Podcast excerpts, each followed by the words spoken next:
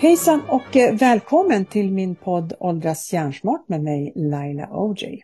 Idag i detta avsnitt så ska vi prata om eh, lite grann om ungdomar, barn och ungdomar eh, i deras skola, om svårigheter och hur de kan också åldras hjärnsmart med olika saker, men också vilka eh, vad ska jag säga, kunskaper som finns i skolan och även eh, utanför skolan för hjälpmedel för att de ska må så bra som möjligt. Och med det så har jag då tagit med en gäst som heter Maria och vi har träffats på Instagram hon och jag. Så jag säger så här, välkommen Maria till min podd Åldras hjärnsmart. Men tack så hemskt mycket Laila. Tack! Så kul att du ville vara med. Och tack för att jag får vara med, för det känns väldigt, väldigt spännande och roligt. Ja, vad roligt, härligt. Jag tänker så här, när, du, när jag säger åldras hjärnsmart, vad tänker du på då? Oj, jag tänker precis på att det är det spåret jag är inne och tänker på när jag jobbar med hälsa och när jag jobbar med människor och med mig själv, när jag jobbar med mig själv. Ja, för vem är du? Kanske ja, ska få presentera dig själv först. ja, precis. Ja, men jag heter Maria Johansson och jag bor i lilla staden Östhammar. Mm. Man säger att den ligger mellan eh, Norrtälje och Gävle, sju mil till Uppsala, 14 mil till Stockholm så längs med kusten. Eh, jag är 51 år, ung. Eh, och jag jobbar, är utbildad både barnskötare med ja, inriktning mot barn med särskilda behov, som det hette på den tiden, mm. för 33 år sedan. Och sen så 2000 utbildade jag mig till friskvårdsterapeut. Och idag kan man säga att jag jobbar med de två eh, eh, vad ska jag säga, de två grenarna eh, specifikt ihop kan mm. man väl säga idag. Okay. Mm. Mm. För du jobbar inom skolväsendet? Nej, inte Nej. inom skolan, utan jag jobbar eh, på ett korttids för barn med olika särskilda behov. Ah, så, just det. Ja. Just det. Och korttids... Men jag har jobbat i skolan eh, under många år tidigare också, vanlig grundskola och den eh, den skolan då som hette särskola förut, så mm. den eh, individanpassade skolan, hur om man säger så. Ja, just det. Just det. Men friskvård då? För du har ju en bakgrund också som elitidrottare. Ja, men precis. Och det är många. Det var på stenåldern. ja, jag har eh, hållit på med sporten voltige, gymnastik på häst. Eh, och eh, lite ovanlig, udda sport. Jag brukar förklara det som konståkning, fast på en häst som springer runt, galopperar in, på en cirkel, i en manege helt enkelt. Och på den så ska du göra en massa tricks va? Jajamän, då ska man utföra övningar, eh, både då individuellt och i lag. Och jag har gjort båda, men mest individuellt då. Mm. Så på den tiden så var jag med i landslaget ett tag och eh, vunnit SM en gång. Så jag får mm. väl sitta och tänka på den lilla meriten när jag, när jag sitter på hemmet sen. Snyggt! Snyggt! Ja, eller hur? Precis. Men, ja, men... men jag, inga hästar idag eller sån form av idrott. Eh, men jag har lagt väldigt, väldigt mycket tid på den sporten tidigare och det är jag väldigt glad och tacksam för, för jag har lärt mig så otroligt mycket. Ja, men det förstår jag, för alltså om någon gång när, alltså andra sporter när du har ett annat verktyg som inte är levande. Här har du ett mm. levande verktyg som är en del av ditt utövande som du också mm. hela tiden måste ha full fokus på. Alltså mm. hur körde ni, alltså på den tiden körde ni också mental träning för att eh, rikta in er på hur ni skulle ha fokuset eller var det någonting som man bara körde på, eller? Jag brukar säga så här att när jag pratar med några gamla kompisar, tänk om vi hade tränat lika mycket mental träning som vi gjorde armhävningar. Mm. Eh, då hade vi varit proffs på våra hjärnor idag. Men eh, det, hade, alltså det kom ju tidigt, det var ju tidigt 80-tal, jag tänker Unestål och eh, hela mm. den biten. Så det var lite, vi lyssnade ju på kassettband. Mm. Eh, vi skulle eh, ligga i avslappning, slappna av och se oss själva utföra våra, våra övningar och rörelser liksom. Men jag kan inte säga att vi tränade det lika mycket som vi tränar vår fysik. Idag jobbar man ju helt annorlunda, eller kanske många gjorde det även på den tiden, men vi gjorde inte det. Vi kanske halkade efter lite grann där. Och eh, självklart så är det lika, lika viktigt som att träna fysiskt. Mm, precis, verkligen. Och då har du i alla fall kört den grundliga mentala träningen med Une Ståhl där. Mm, han är guru. verkligen, ja. Ja, och åldras hjärnsmart då? Mm. Vad betyder det för dig? Mm. Ja, alltså jag tänker så här att hjärnan är så, jag säger att den är så specifik. Mm. Den är så otroligt ofantlig. Mm. Eh, och eh, vi kan göra väldigt mycket själva. Jag tänker mycket det här att vi inte, vi inte får utbilda oss kanske i skolan på hur våran hjärna fungerar. Eh, ja. Tänk om vi skulle kunna få öva mental träning och personlig utveckling redan när vi är små. Precis. Eh, vi gör ju det till viss del, det här med att vi ska vara snälla mot andra och vi ska inte mobba och all, allt det här. Det är så mycket som händer i världen nu. Men eh, jag tänker, för mig så skulle det vara ett ämne i skolan. Mm. Där vi Helt lär enig. oss Ja, där vi lär oss hantera oss själva. Mm. För oavsett vad som händer så, så bollas bollen alltid tillbaka till mig själv. Så det är mitt eget ansvar att ta hand om vad jag känner, vad jag tycker, vad jag värderar. Eh, alltså det här, vi har väldigt lätt att gå in i dömande till exempel med andra människor. Så jag tänker att det är, vi skulle behöva lära oss det mycket, mycket tidigare, alltså självledarskap. Och kan vi lära oss att självleda hjärnan så kan vi också eh, åldras hjärnsmart. För det är smart att träna sin hjärna. Eller hur? Så bra mm. sagt. Snyggt Maria. Helt fantastiskt. Och hur, hur, kan du, hur känner du att du kan utöva det i ditt yrke då? Kan du göra det? Eh, du och jag pratade lite grann innan mm. och eh, det är så att där jag jobbar idag så jobbar jag ju anställd för en kommun.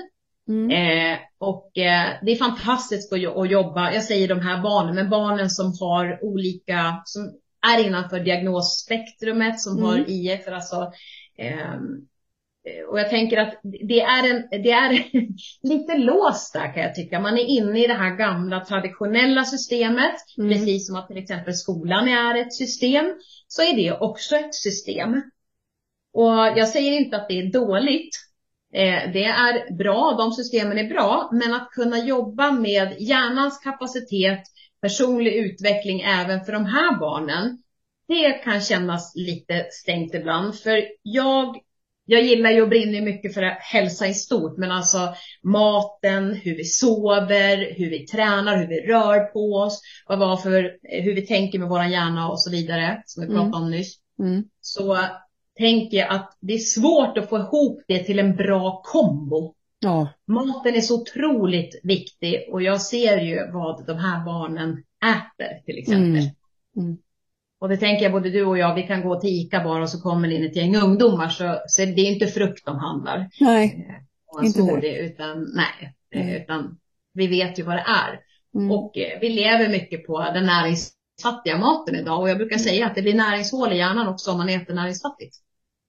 Helt sant. Det är, så är det ju verkligen. Alltså. Och även fast vi kanske köper bra mat på affären så finns inte det, eftersom det ska vara så snabbprocessat allting så hinner ju inte alla de här näringsbitarna som vi behöver i oss, både vitaminer och mineraler och hela den biten i maten blir ju inte fullfärdiga. Så därför måste vi, tyvärr, så är det ju så, vi måste ta till tillskotten. Och, ja. eh, och bra sådana finns det ju också, jättemycket bra. Absolut, mm. absolut. Det finns mm. mycket bra och det man kan göra idag också det är att man testar om man behöver eller inte. Vi testar ju det mesta idag. Mm. Eh, men i regel så testar vi inte de här små barnen, hur Nej. deras nutrition i deras kroppar ser ut. Nej, eh, utan eh, där är det ju liksom medicinering, jag tänker på magar som inte fungerar. Man medicinerar ju gärna ner i, i betydligt mycket lägre åldrar nu än när jag började jobba för 33 år sedan. Jag minns det första barnet på skolan som fick ADHD-medicin till exempel. Mm. Och eh, det här var ett barn som var ganska kraftig och bastant och full med energi och ja, busig. Och eh, sen när sommarlovet var över och han kom tillbaka till skolan så kom jag ihåg att vi sa, men va? vad har hänt med honom? Han hade blivit väldigt, väldigt smal och han gick, han var liksom, ja men mera introvert som personlighet.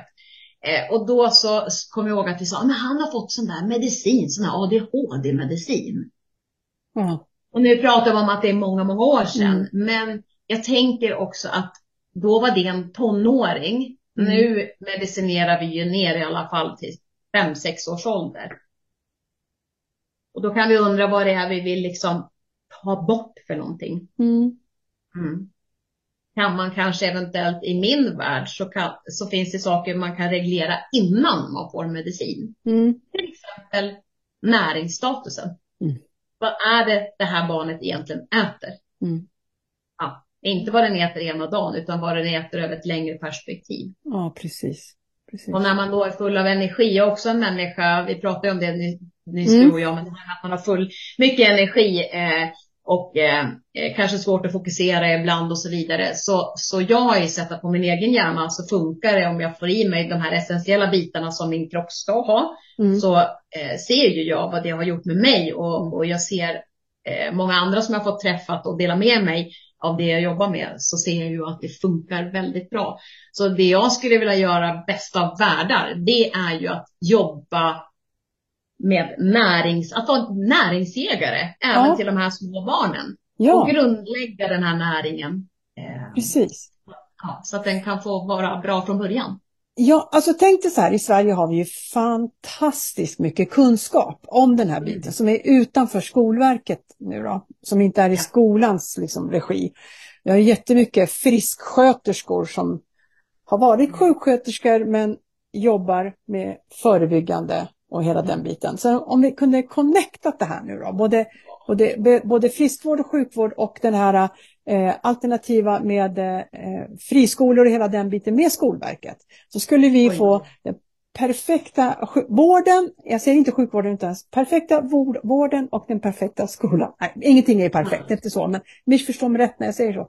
Men vi har så mycket kunskap så det är så synd att vi inte kan se att vi inte kan försöka få till ett samarbete. Som jag mm. vill ju att man ska prata med barn i förskoleålder och ha mm. kanske en gång i veckan, samla i små grupper och prata om känslor. Ja. Tänk dig om liksom, barnen fick berätta om känslan när de åt eller när de hade varit ute, alltså vad som helst. Och bygga upp det här och ha det här hela tiden under hela skolans gång. Så när mm. de kommer upp i högstadiet och gymnasiet mm har de inte den här äh, pressen på att mina känslor är nog väldigt konstiga. För det är nog bara jag som har de där känslorna. Jag vågar inte prata med det här med någon. Då skulle vi inte ha det problemet. Då skulle vi verkligen jobba med den mentala hälsan på ett helt annorlunda sätt. Mm. Och ja, jag håller med dig så. Det, det, är så bra det du säger och jag tänker att jag brukar tänka att hjärnan är liksom 60 procent torrvitt fett. Och om det liksom blir, om den där lilla fettklumpen där får fel slags näring hela tiden över en lång tid. Alltså det börjar ju faktiskt redan inom faktiskt bebisen har blivit till. Mm. Hur det ser ut hos mamman och pappan. Och sen så ska det bildas ett barn i magen. Eh, och jag tänker hela den biten att eh, vi får jobba med, eh, med näringen från, från allra första start. Och hela vägen upp. För är den här lilla fettklumpen liksom att, jag tänker mig att det är torrt i sladdarna. Ja. Alltså alla Precis. där med synapsen och allting som ska funka och gå så snabbt där. När det är lite kortslutning där, det blir det när vi inte får i det essentiella i våran hjärna till exempel. Helt klart. Att, eh, ja, liksom det, hjärnan är en fettklump, det är klart att den ska ha fett. Och mm. den ska ha rätt slags näring och vi går inte att tanka liksom fel olja i våran bil. Nej. Precis. Vi ser till att det är rätt. Det är rätt filter, det är rätt olja, det är liksom, allting är rätt. Ja, men precis. Men med våra kroppar så gör vi inte det och det finns, som du sa, det är så mycket kunskap ute idag. Eh, men det är också många, den ena säger si, den andra säger mm. så. Eh, ja. Så det kan vara, bli väldigt förvirrande för föräldrar idag att våga vara förälder och våga tro att det här är, är rätt eller våga ta åt sig information om vad som är bra. Ja, precis. Och, och det som jag tror många missar när man tänker på information. Och tänker mm. att det finns så mycket fake news. Ja, absolut, det gör det. Hur mycket som helst. Men det som det finns också massor och väldigt lättillgängligt idag, det är ju den vetenskapliga forskningen. Mm. Det finns ju faktiskt olika banker på det här i världen där vi kan gå in och, och verkligen nörda in oss på olika ämnen där vi också kan se, här har det verkligen de här forskarbitarna har gått rätt till för att få fram de här kunskaperna. Alltså mm. det kan ju ändras om några år, det vet vi ju ingenting om, men det är det som är vetenskap och forskning. Det ändras, förändras hela tiden. Så det gäller ju också för oss som människor att tänka lite som en forskare i vetenskap. Jaha, ja men det här var lite häftigt, undrar om jag ska pröva det här. Istället för att bara, nej, så här har vi gjort i 53 år, så nu fortsätter vi med det.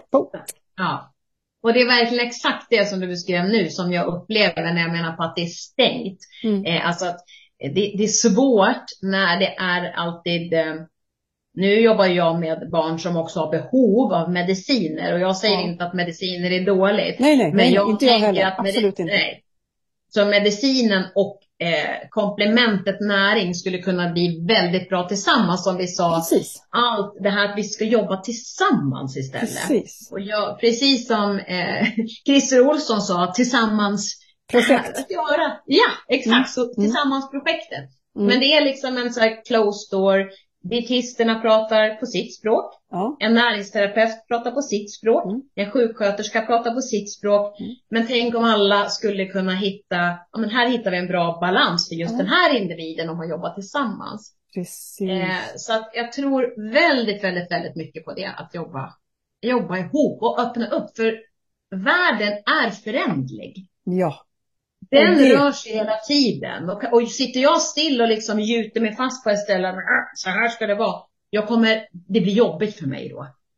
Eh, så att jag behöver vara med i den här rörligheten och eh, mycket av det i den där, kategorin där jag jobbar i, där tänker man kanske mycket som man gjorde förut, ja. kan jag uppleva. Men det är min personliga upplevelse. Ja, precis. Ja, ja. Jag kan inte prata för, för andra där. Nej, nej. Men eh, eftersom jag jobbar med båda bitarna så känner jag att wow, tänk bara man kunde få göra den biten jag jobbar med ihop. Perspektivet man tänker på hälsa och friskvård och mm. sen så med den medicinska världen kunna knyta an dem i en påse skulle kunna bli hur bra som helst. Verkligen, alltså vi skulle verkligen få den bästa vården då i Sverige. Mm. Det finns verkligen ja. otroligt mycket eh, ja. kunskap. Mm. Jättehäftigt. Mm. Jag tänker vintern och nu tänker jag också år 2024. I senaste avsnittet så pratade jag med eh, min kollega Malin Hedlund, var med mig och gästade. Och då pratade vi om att göra nya projekt.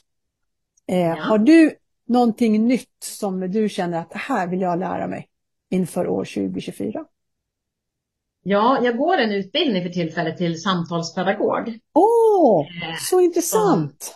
Ja, det är intressant eh, och eh, det känner jag att jag vill ju kunna, jag vill kunna komma vidare i min hälsoyrkesroll. Ja. Eh, och precis det här du och jag pratar om nu, det är min vision, att kunna jobba vidare och ta, ta det här ett steg vidare.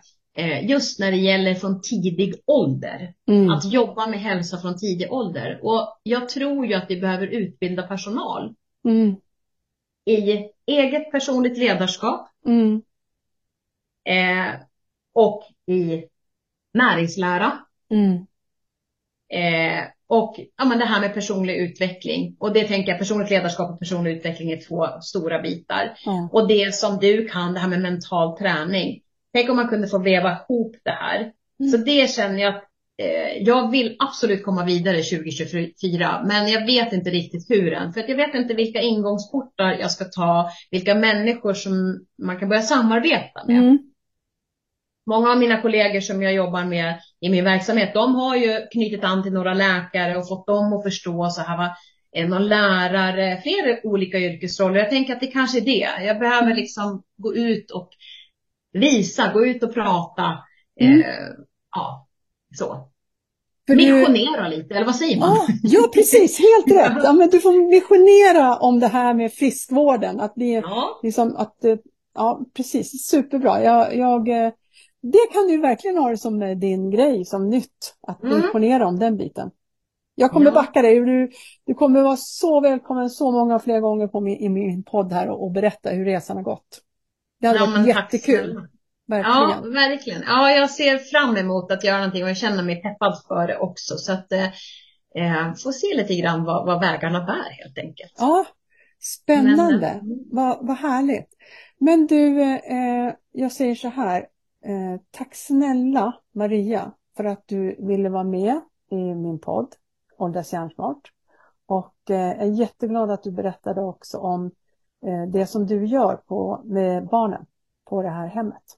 Mm, Eller, jag tror är, att jag... Är det, ett, är det ett hem eller är det en institution eller vad är det för någonting? Det måste jag fråga. Nej, alltså det är ett korttidsboende. Man kommer en, en, ett avlastningsboende. Så det är avlastning för föräldrar. Okay. Eh, och eh, som är också jätte, jätteviktigt att det finns. För det ja. finns många föräldrar som eh, eh, kanske, man märker att det är någonting som inte stämmer med mitt barn ja. eh, i tidig ålder. Ja. Men man får kanske hjälpen alldeles för sent. Förstår du vad jag menar? Mm -hmm. Vi, vi, den rollen vi har, man kommer och är hos oss. Eh, det är ju som hemma, men vi har eh, vår profession är ju att ta hand om barnen. Ja. Eh, vi har medicinsk profession, vi har liksom, ja men alltihopa, pedagogisk ja. profession. Och man kommer där och sover allt ifrån ett dygn till sju dygn. Aha. Man åker mellan hemmet och här. Mm. Så eh, ja, det, det är en fantastisk verksamhet som jag verkligen, verkligen hoppas också ska utvecklas och få vara kvar. För det finns många föräldrar som eh, Många unga föräldrar upplever jag som liksom vill, de vill klara av det här. De ska liksom klara av sitt barn. Mm. Men när man kanske har ett barn som har mycket autism till exempel, mm. kanske språkstörning. Eh, ja, man är, man är liksom inne i sin egen lilla värld om man säger så när det gäller utvecklingen. Eh, så tror jag att man behöver ha den avlastningen. Mm. För att, eh, eh, eller jag tror, jag vet, jag har ju sett det här under årens lopp att man behöver avlastningen för att man också ska kunna orka vara förälder, för att man ska lära sig, för att man ska orka kommunicera och ta hand om sitt barn på på alla liksom, det är ju så många bitar runt ett barn som har, som har den här formen av problematiker då, så att ja. säga. Är det, är det statligt eller kommunalt? Som liksom, kommunalt är det. Som, ja, just det. Ja. Men då får ni statsbidrag också eller bara kommunalt bidrag? Det är kommuner som driver det här eller? Ja, det är kommunen som driver det, men ja. de, jag tror inte att de är så himla positiva. Alltså det är ju trångt ekonomiskt och ja, jag får okay. känslan av att de inte riktigt vet eh, eh, hur en sån här verksamhet ska vara. Men den här verksamheten har funnits i 30 år. Okay. Men det är också ett generationsskifte med, med nya unga föräldrar nu som har, eh, man ser ju också att autismen har ju, alltså egentligen inte bara den, men alla diagnoser har ju faktiskt ökat ganska radikalt de senaste åren. Så det är mycket föräldrar, många barn som är inkopplade på barn och ungdomshabilitering, man får hjälp och stöttning därifrån. Mm. Eh, och de har ju vi också samarbete med. Så vi samarbetar med habilitering, skola och så korttids. Just det. Jag, eh, jag, jag, eh, lyssnar väldigt mycket på en, eh, du har, har, lyssnar säkert också på honom, Andrew Huberman. En, eh, en jättestor forskare i neurovetenskap, amerikan. Nej, han har jag faktiskt inte lyssnat på. Åh, då kan jag mm. rekommendera honom. Eh, ja. För att det senaste, hans senaste poddavsnitt så pratar han med en annan, eh, nu ska vi se, jag ska direkt ta fram den biten också, vad den heter för, de pratar just om autism i det avsnittet. Ah. Och eh, varför eh, så här, jo, det är eh, Dr. Karin Parker och då är det eh, Andrew Hubermans labb och då de pratar de om just varför autismen, eller vad de tror autismen har ökat, för den har ökat radikalt bland barn idag. Ja. Mm. Jag tror att det är 48 procent sedan 60, i slutet av 60-talet.